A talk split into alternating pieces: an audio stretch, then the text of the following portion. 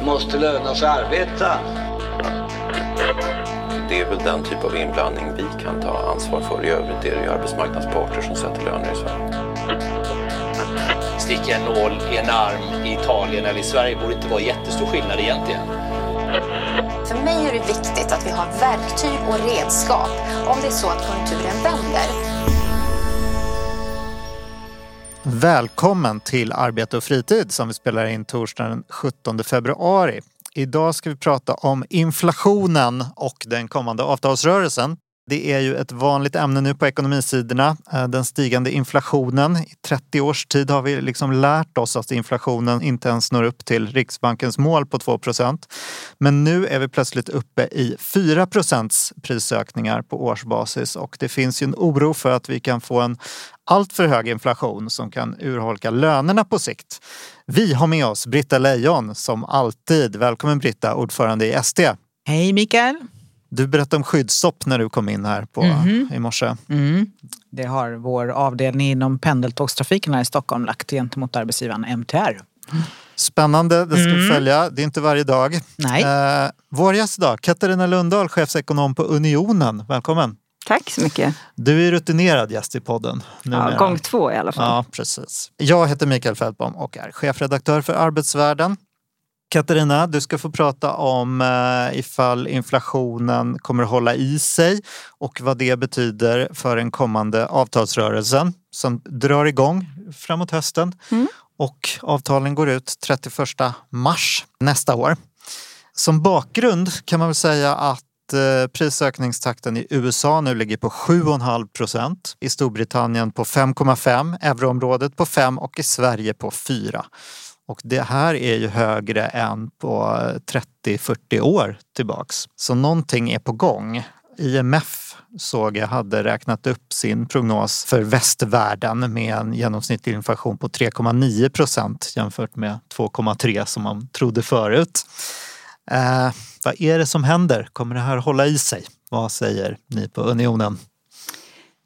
Ja, men det är ju lite olika saker som händer tror jag också i olika länder, även om det också finns gemensamma nämnare. En sak som händer är ju höga energipriser som började dra iväg i höstas. Eh, I Sverige inte minst elpriserna som ju också har fått politiska följdverkningar, man ska kompensera för det. Eh, och så bensinpriserna som här hemma också beror på att vi själva höjt skatter och inblandning och annat.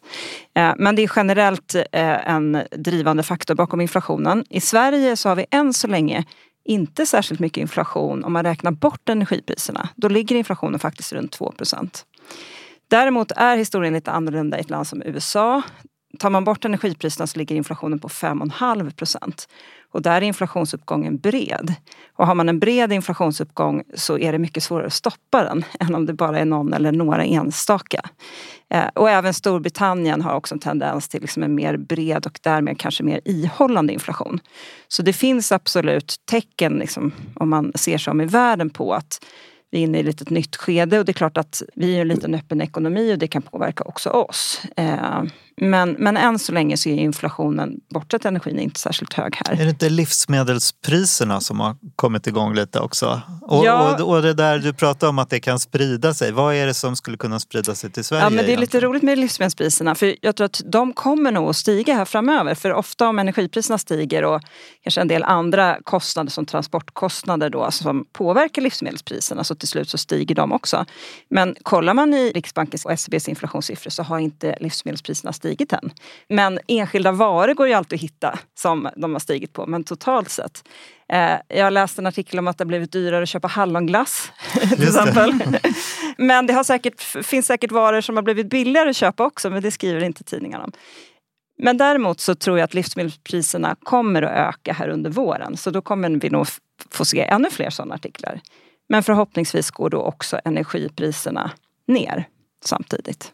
Mm. Men ni gör ju bedömningen, precis som Riksbanken då, att det här är en tillfällig prisökning och att det handlar ganska mycket om energipriserna. Eh, vad talar för att inflationen i andra länder inte kommer sprida sig till Sverige? Att det inte kommer ta fart egentligen? Det är klart att det är ett väldigt osäkert läge eh, vad det gäller inflationen. Jag tror att det är ovanligt svårt att spå vad som kommer hända med inflationen. Men det många bedömare säger det är ju att ska inflationen ta fart på riktigt då räcker det inte med energipriser och att det vältras över på matpriser för det är ju trots allt engångseffekter. Man får tänka på när det gäller inflationen, ska vi ha en bestående hög inflationstakt då måste matpriserna fortsätta öka lika ja, mer hela tiden. Och är samma det, gäller är, det inte, är inte klimatkrisen någon sorts eh, drivare av ja, högre kan, ja, men det kan, det kan säkert vara en faktor som liksom generellt höjer det lite grann men att vi skulle få se lika stora ökningar hela tiden tiden. Det är ju kanske ja, inte så troligt även om det finns, finns risker där.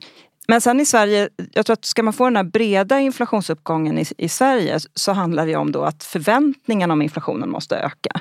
Det handlar inte bara då om energipriserna som vältras över till engångseffekter utan att alla tror att priserna ska öka framöver och kompenserar sig på olika sätt med högre löner och högre priser. Då kan vi få en spiral. Eh, där är vi ju inte än och vi i Sverige har ett relativt, tror jag, liksom, har haft i alla fall ett robust system där man tror på inflationsmålet och där vi har centrala avtalsförhandlingar. I USA till exempel, där svänger ju allting upp och ner mycket snabbare. Man har inte centrala avtalsförhandlingar, alla förhandlar för var och en kan man grovt sett säga. Och då är det klart att eh, det är mycket lättare att få igång de här spiralerna. Och det är samma med hyressättning i USA. Så att spiralerna kommer igång lättare där än vad de gör här. Men vi är såklart inte immuna mot omvärlden. Får jag bara fråga om du har någon kommentar också till det där med att det faktum att allt fler, eh, åtminstone för tillfället, har lämnat eh, arbetskraften i USA. Och att det också är ett tryck uppåt på lönerna av, av bland annat av det skälet. Eh, Men det, det stämmer Tror du att, att det blir en tillfällig... Nu går det inte alls att jämföra, det är inte alls samma läge. Men vi ser ju också jättestora kompetensbehov också mm. på svensk arbetsmarknad. Mm. Och många arbetsgivare vittnar om att de har svårt att få tag på folk. Liksom. Mm åtminstone med viss kompetens. Och vi ser åtminstone hos oss, när vi följer lönernas utveckling, så är att vi börjar se en löneglidning vi inte har sett på ett tag. Mm. Och det är ju ett tecken på detta. Mm. Absolut. Nej men i USA eh, Ja, det, är, det är svårt att säga vad som kommer hända men det är, det är ju uppenbart att man har en väldigt tajt arbetsmarknad just nu med många som har lämnat och helt plötsligt då när restriktionerna släpper ekonomin kommer igång ett väldigt stort behov på arbetskraft. Inte minst mer okvalificerad arbetskraft där man kanske inte har tyckt det varit lönt att arbeta, man har varit rädd att bli sjuk och så, lämnat arbetskraften. Eh, och det får man väl se om den arbetskraften då kan lockas tillbaka när lönerna ökar lite grann från ofta kanske då ganska låga nivåer. I Sverige är ju situationen lite annorlunda. Det är, även om det skrivs en del om brist inom hotell och restaurang och så, så tror jag att det är ett, i ett mer kort perspektiv. Man har gjort sig av med massa personal så ska man snabbt skala upp. Det är klart att det är, är svårt men det är inte där de långsiktiga problemen när det gäller kompetensbrist finns tror jag på svensk arbetsmarknad. Nej. Utan det är ju mer liksom, yrken som, som kräver någon form av längre utbildning. Eh, mm. och det har vi sett under lång tid och det tror jag kommer fortsätta bara att mm. förstärkas de problemen. För vi mm. har en väldigt stark eh, ekonomisk utveckling mm. i Sverige just nu. Mm. Just det, sjuksköterskorna är väl en sån, en sån grupp där, alltså just i USA verkar de ju ha lämnat en masse. Mm. Eh, och eh, det har det väl gjort i Sverige också till viss del. Men det är klart, det är en längre process att få, få fram mm. sjuksköterskor, även om de mm. också har avtalsrörelse ganska snart. Mm. Nu. Jo, men jag tänkte på det där du sa om inflationsförväntningar, att det mm. betyder så mycket vad folk tror om framtiden. Jag läste en annan återkommande gäst i podden är ju eh, German Bender som skrev i Dagens Arena om det där att eh, inflationsförväntningarna är väldigt mer olika hos olika delar av befolkningen än vad mm. man tidigare har trott. Det kom ny forskning på det där. Han beskrev det som att eh, Riksbanken och kanske unionens experter och sådär eh, talar ganska mycket för en eh, högutbildad, eh, högavlönad grupp som inte drabbas av inflationen på samma sätt som mer lågavlönade grupper. Alltså där ser man hur livsmedelspriser och energipriser ökar och det betyder mycket mer för den privata ekonomin. Och de grupperna är mer sannolika att tro på ökande inflation. Och den gruppen är kanske större än det här lilla samhället av experter och eh, högavlönade som läser Riksbankens rapporter och lyssnar på Stefan Ingves som, och er på Unionen som säger att nej, men det här med med inflation, det är inget problem utan det kommer gå över när, när det blir sommar och energin blir billigare. Har du tänkt på den där eh, uppdelningen? Man ska ju absolut ha respekt för att eh, de prisökningar som sker på, inte minst på bensin och el som vi har haft, kanske nu också på mat här de närmsta månaderna, att det påverkar enskilda hushåll och kanske jättemycket. Eh, och det är klart att det beror på dels vad man har för buffertar men också hur ens eh, liksom, vad man konsumerar så att säga, att det spelar roll. Konsumer, lägger man väldigt mycket av sin inkomst på just mat och bensin, vilket en del eh, hushåll med lägre inkomster gör, så är det klart att det märks. Så det måste man ha respekt för. Och det har ju också satt politiska avtryck nu med det här med att man, eh, politikerna lovat att kompensera för höga elpriser. Och jag tror ju snarare kanske att det är vägen att gå än att tro att man ska dra igång någon lön och liksom prisspiral och, och lösa det den vägen så att säga. Så att man ska absolut ha respekt för att det kan vara tillfälligt tufft liksom, för enskilda eh, grupper och att de kanske inte blir så lugnad av att jag och andra säger att det blir bättre om ett halvår eller så. Eh, för det är ju också så i kriser som vi trots allt, vi har ju precis kommit ut ur en kris eller på väg ut ur en, en kris eh, så är inflationen ofta väldigt slagig. Det hände liksom runt finanskrisen också. Den steg relativt mycket då också, inte riktigt lika mycket som nu. Och sjönk sen väldigt snabbt. Eh, Saker som har stigit mycket i pris nu utöver det här som folk konsumerar eh, ofta det är till exempel flygresor, hotell. Och det var ju för att för ett år sedan konsumerade vi inte det. Och då är det klart att när de äntligen får sälja sina varor så stiger de priserna. Det är ganska naturligt. Och det är ett exempel på slagighet på grund av krisen. Att Eh, vi ändrar vad vi konsumerar, eh, vi håller tillbaka viss typ av konsumtion. Det är klart att priserna på det nu när det släpps upp ökar igen. Och det är för att folk är så desperata på att flyga och bo på hotell? Eller varför kan ja, de ta ut högre priser? Nej, men, och, kanske också att, att ägarna är lite desperata eh, över att eh, gå runt. Att de måste höja priserna för de har haft en väldigt tuff period. Det kan ju vara båda, båda hållen. Så att och säga. att de måste få tag på ny personal som de har gjort sig av med förut. Ja, det är inte har, lika många som är nej, beredda att ha, jobba inom de sektorerna Ja, de kan ha ökade kostnader jämfört mm. med förut. Mm. Men det där var lite av ett, ett stickspår då. Men jag tycker man ska absolut ha respekt för det där med enskilda och att eh, hushåll, hur de påverkas och att det är klart att man är sin, sin egen varukorg närmast. Så att säga. Man, alla går inte runt och, och har koll på hur Riksbankens varukorg ser ut utan det man märker det är ju hur, hur, vad man själv konsumerar och hur priset påverkas på det. Mm. Mm, ja, jag har noterat att kaffe har ökat radikalt i alla fall. Ja, ja men precis.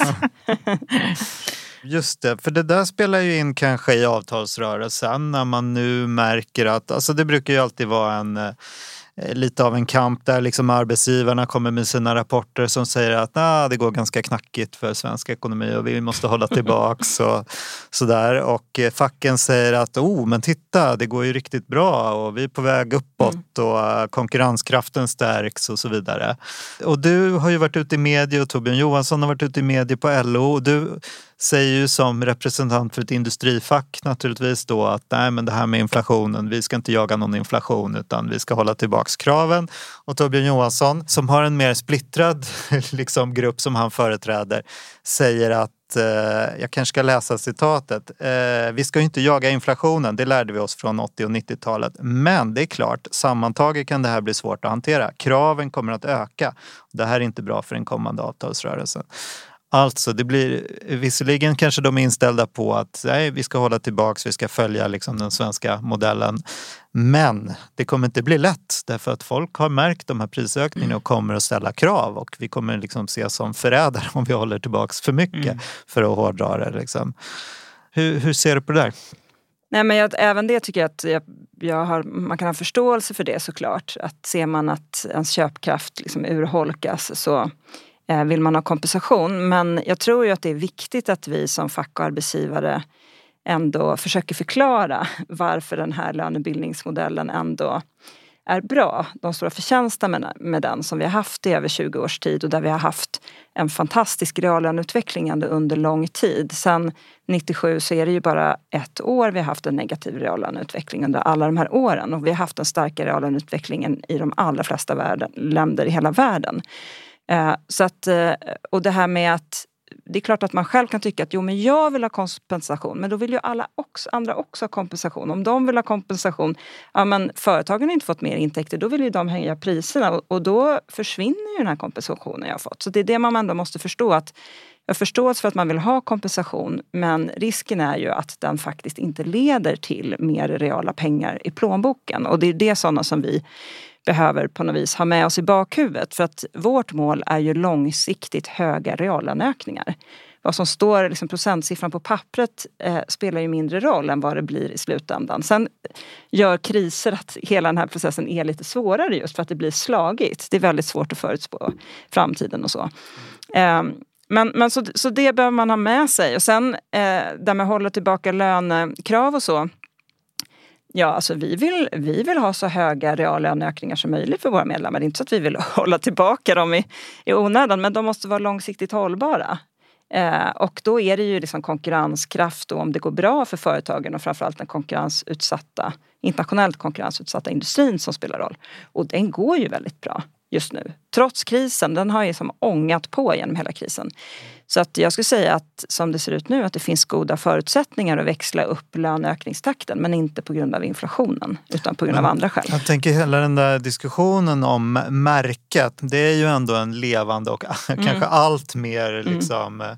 levande diskussion där ja, framförallt 6F liksom för, för mm. talan för mm. att eh, det är ju trots allt så att inflationen har varit för låg. Alltså, vi vill ju ha en inflation på 2 mm. just för att folk ska kunna flytta till de sektorer som kanske behöver mer folk. De ska kunna höja lönerna och så får vi en rörlighet på arbetsmarknaden. Utvecklingen hittills har ju sett ut så att det har varit för små löneökningar för att ens hålla uppe 2 procent i inflation. Har de inte en poäng där? Jo, både, tänker, både, för, vi... både för allas bästa och för sin, för sin egen skull så att säga. Ja, alltså jag, jag, det är genuint svårt att, att spå. Jag håller ju naturligtvis med Katarina i vad du säger om vikten av att vi dels minns, drar lärdom av det vi har upplevt tidigare och också eh, inser det stora värdet i att ha en lönebildning som fungerar så bra som den har gjort. Samtidigt så är det ju så att Dels har vi en större splittring på, mellan de olika fackliga förbunden än vad vi haft på mycket länge. Bland annat beroende på liksom våndan kring rasuppgörelsen men också av andra skäl skulle jag säga. Så det är liksom en faktor, den har liksom bara ökat och den spär på den här diskussionen och ökar det här liksom ifrågasättandet av märket. Men sen eh, tillbaka till det här med inflationsförväntningar.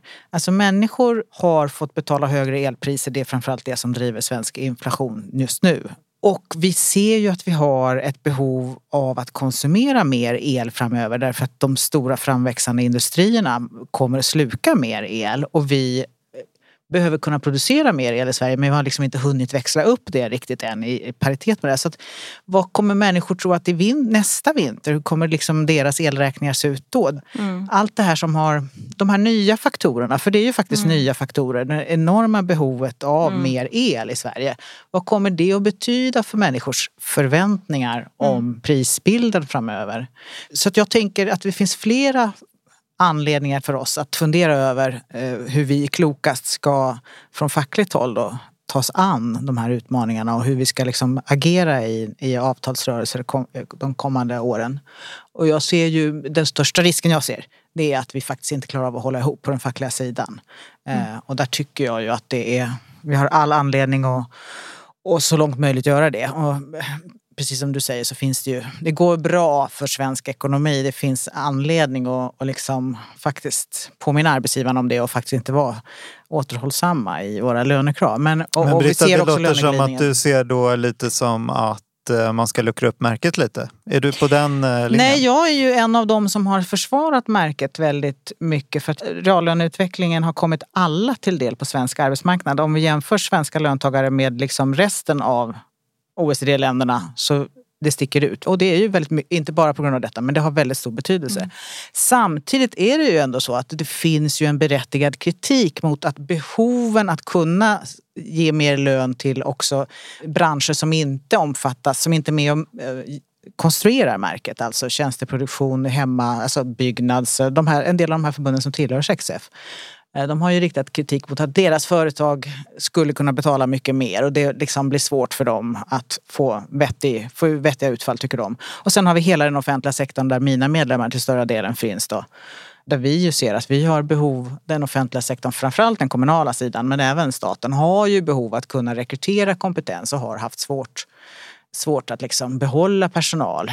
Ja, du pratade om sjuksköterskorna förut, det finns ju andra grupper också. Så att, jag tycker att det, vi måste ha en, en, en, diskussion om hur vi ser till att få en bra lönebildning framöver.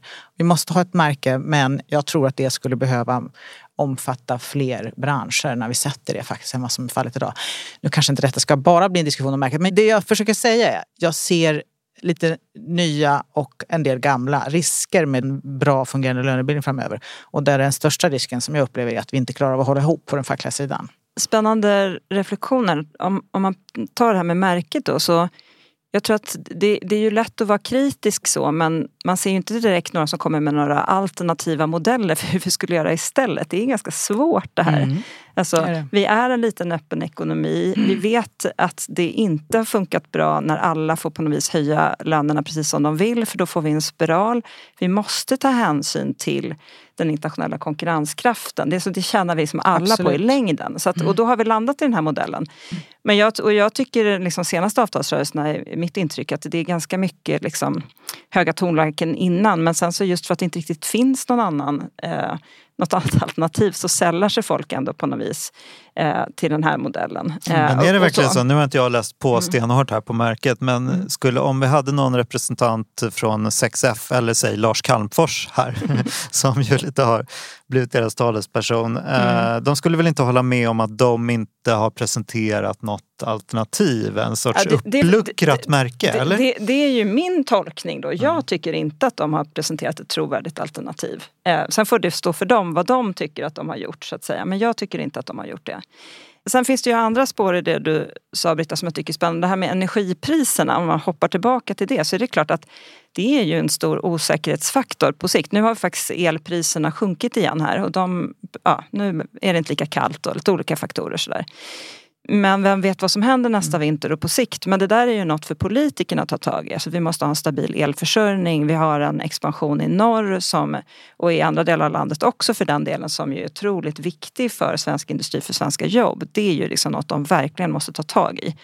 Så det löser vi inte med lönebildningen. Men, men det är ju viktigt att det finns en stabil elförsörjning som mm gör att inte elpriserna liksom åker upp i himlen och sen ner igen liksom hela tiden. Det blir ju jobbigt för både hushåll och företag att anpassa sig efter det.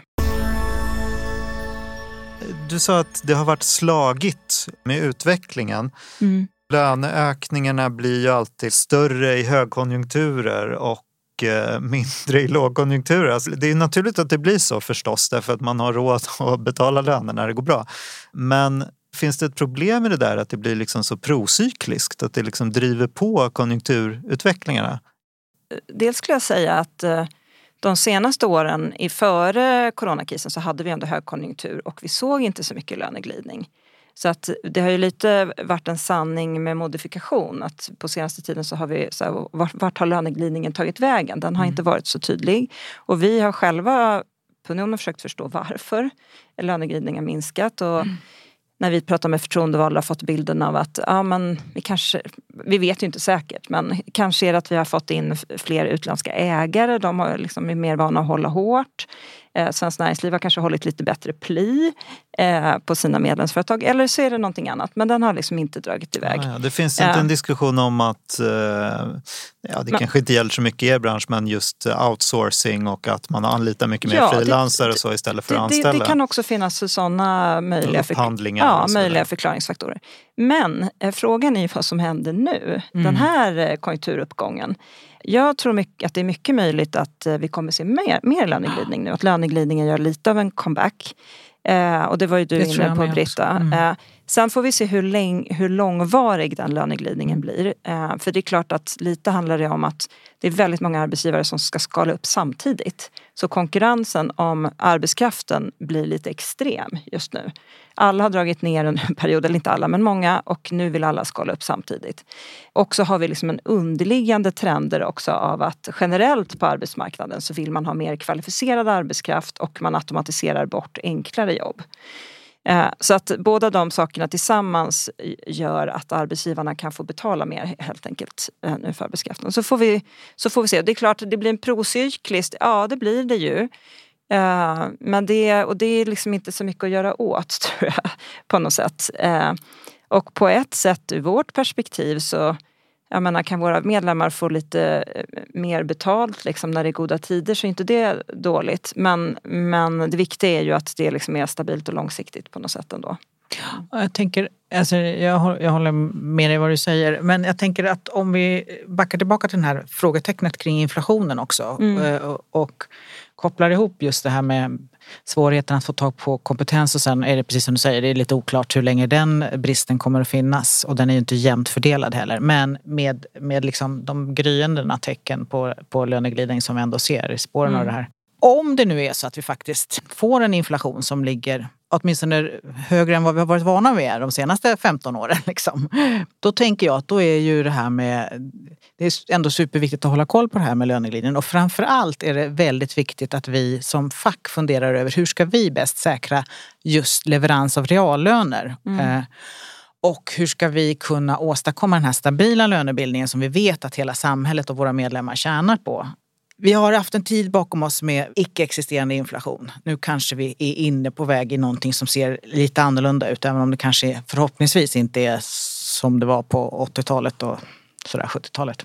Det är ju väldigt viktigt hur våra avtal är utformade från den fackliga sidan. Och jag är ute efter att jag, ska vi kunna säkra reallöneleverans och stabilitet i lönebildningen och i, att det inte bara är de som har den eftertraktade kompetensen som, som får upp sina löner, löner på grund av löneglidning utan att vi kan leverera reallöneökningar till alla.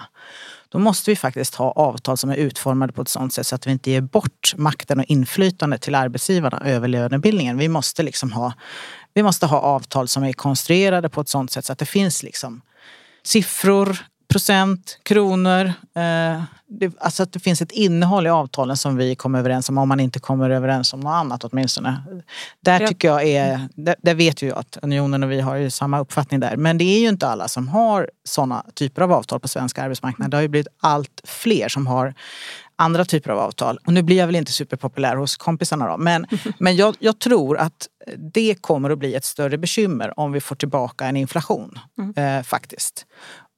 Det kommer bli en ny sorts, eh, helt ny sorts frågeställning här då. Nej, men jag kan hålla med dig och liksom märket Vissa ser det ju liksom som en tvångströja, alltså liksom 6F, men, för, men faktum är ju att för många så är det ju något som faktiskt håller uppe lönen. Det ska man inte glömma, så att alla får åka med på reallöneökning. Och det är ju därför det är så viktigt och jag kan hålla med dig om att då finns det ju poänger med just när, när det är siffersatt på olika sätt, och i alla fall i viss mån, för att, för att det också ska bli så. Eh, och annars är ju risken just att vissa grupper faller ifrån som inte liksom klarar att argumentera för sig själva eh, och andra lyckas eh, liksom gå starkt ur det. Så det. Så det är ju fördelen med modellen. Sen är det klart att eh, vissa grupper är starkare än andra på något sätt. Eh, och vi har ju inte, märket ingen planekonomi eh, heller som gör att alla ska ha exakt samma utan vi har ju individuell lönesättning ute på många företag och om vissa grupper, om det är hårdare konkurrens eller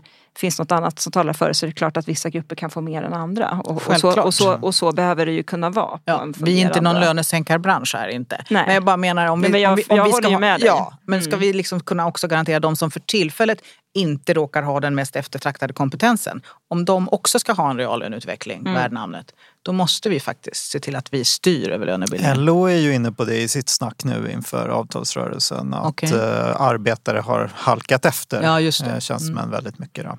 Ja, vi brukar ju prata lite i den här podden om eh, populism och eh, liksom risken att grupper hamnar efter och vad det kan innebära politiskt. Eh, de är väl inne på att eh, liksom löneökningen har varit betydligt sämre för arbetare. Både procentuellt och i kronor än för tjänstemän. Eh, det, är väl, ja, men det är lite samma spår som du är inne på att försöka hålla ihop hålla uppe de eftersatta grupperna, eller? Ja, alltså nu är, jag ju inte superinläst på LOs eh, material och underlag och sådär. Vi brukar ju, jag tycker att vi ska se, hålla ihop i, i fackföreningsrörelsen och jag tycker inte att man ska försöka spela ut olika grupper mot varandra. Men om de säger att det är så, så är det väl säkert så, åtminstone för vissa grupper. Sen är jag inte säker på att det är det för överallt. Det finns säkert en hel del välbetalda grupper även i LO-kollektivet som har haft väl Absolut. så. Men jag tror att vi ska rikta in vår kraft mer på att försöka eh, eh, se till att vi får ett bra utfall i förhandlingarna i nästa avtalsrörelse gentemot arbetsgivarna än att försöka hålla på och eh, bråka internt. Vad, vad jag är rädd för är att vi ägnar för mycket tid åt sånt som är liksom särskiljer oss och för lite tid åt att, att vårda eh, det, vi, det, liksom, det vi kommer behöva framöver. Jag tror att vi kommer behöva tänka lite nytt därför att det finns en del nygamla frågeställningar som dyker upp på, på den ekonomisk-politiska dagordningen. Ja, men jag, jag tycker det låter klokt och sen eh, ska man ha med sig att vi, vi har liksom en, en pågående, som har pågått länge, en pågående uppgradering på svensk arbetsmarknad. Jobben blir allt mer kvalificerade. Det gäller arbetarjobben också. Eh, och I viss mån så pratar man om så polarisering, alltså att det blir fler av de riktigt enkla jobben och de högkvalificerade så försvinner de i mitten. Men det är ganska mycket bara fler kvalificerade jobb om man tittar på svensk arbetsmarknad. Och det blir inte så mycket fler verkar av de där enkla jobben heller. Och det är klart att det är en utmaning för arbetarkollektivet, eller det är en utmaning för alla. Och där är det ju bra med den överenskommelse som finns att man ska kunna med ett utbyggt eh, studiestöd för de som har jobbat och olika sätt att man kan röra sig vidare. För det är ju också ett sätt att höja sin lön, ska man komma ihåg. Eh, att helt enkelt ta sig vidare till andra mer kvalificerade och välbetalda jobb. Eh, och, och det är vi många som kommer behöva göra tror jag. Mm. Ja, men för att ha en god utveckling på arbetsmarknaden över många decennier. Mm. För det där med polarisering är i stora delar en myt, eller? På arbetsmarknaden menar du? Mm. Nej, det, tyck, alltså... Nej det, det beror på vad man menar men, men liksom om, man, om man kollar på, så här minns jag det, jag, det jag har, den forskning jag läst att för kvinnor så är det rätt mycket bara en allmän uppgradering. Eh, Medan för män så syns det lite mer av en polarisering. Alltså att, att män som förut var i mitten har några rör sig neråt och några rör sig uppåt helt enkelt på någon slags inkomstskala. Men att generellt sett i Sverige så har vi haft väl, det har blivit väldigt mycket fler högkvalificerade jobb mellan eh, 2000, ja, de tre åren innan pandemin så blev det 300 000 fler jobb på svensk arbetsmarknad som kräver en längre ut, en högskoleutbildning på tre år. Så att det, det går väldigt snabbt mot en, liksom, den här mer kvalificerade arbetsmarknaden. Det gör det. Men sen är det också så, måste man också komma ihåg att många av, Alltså jag skulle säga att den stora förändringen har väl varit att det krävs mer i alla typer av jobb. Alla typer av jobb som finns ja, kvar på arbetsmarknaden. Precis kräver mer och mm. mer kompetens. Men, eh, men, men, men det är också, ja, det är också frågan om de verkligen kräver den kompetensen eller om det är så att arbetsgivarna väljer Så kan det väl också vara. Men, jag tänker, men det blir ju mer, jag mm. menar, i, mm. i alla yrken påverkas mm. ju av teknikutvecklingen. Så att det liksom på något sätt så är det... Men vad jag tänkte när det gäller polarisering vill jag bara lägga till att jag, alltså, polarisering kan man ju mäta och beskriva på olika sätt. Nu pratar vi om lön. Mm. Men jag menar på att polarisering handlar ju väldigt mycket om inflytandet i jobbet. Och där tror jag att vi ser ju också efter pandemin är jag lite rädd för att vi kommer se en ökad tudelning på arbetsmarknaden mellan de som ja, eh, faktiskt får en bättre arbetsmiljö därför att de i högre utsträckning kanske kan välja när, var man jobbar. Lite ökad flexibilitet på den enskilda individens villkor kanske i bästa fall. Och sen har vi väldigt många som inte kan det utan som fortfarande måste lämna barnen 27 på morgonen och vara på jobbet 7.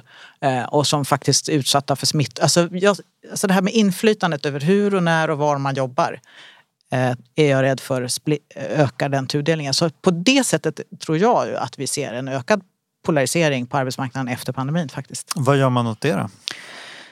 Eh, ja, men vissa jobb måste ju utföras på plats. Inom vården till exempel. Det går inte att tänka bort. Jag tror att det handlar om att eh, ska man få människor som vill göra det, den typen av tunga och kvalificerade arbetsuppgifter så måste man faktiskt betala och jobba med arbetsmiljön. Vi har många stora brister inom den typen av jobb.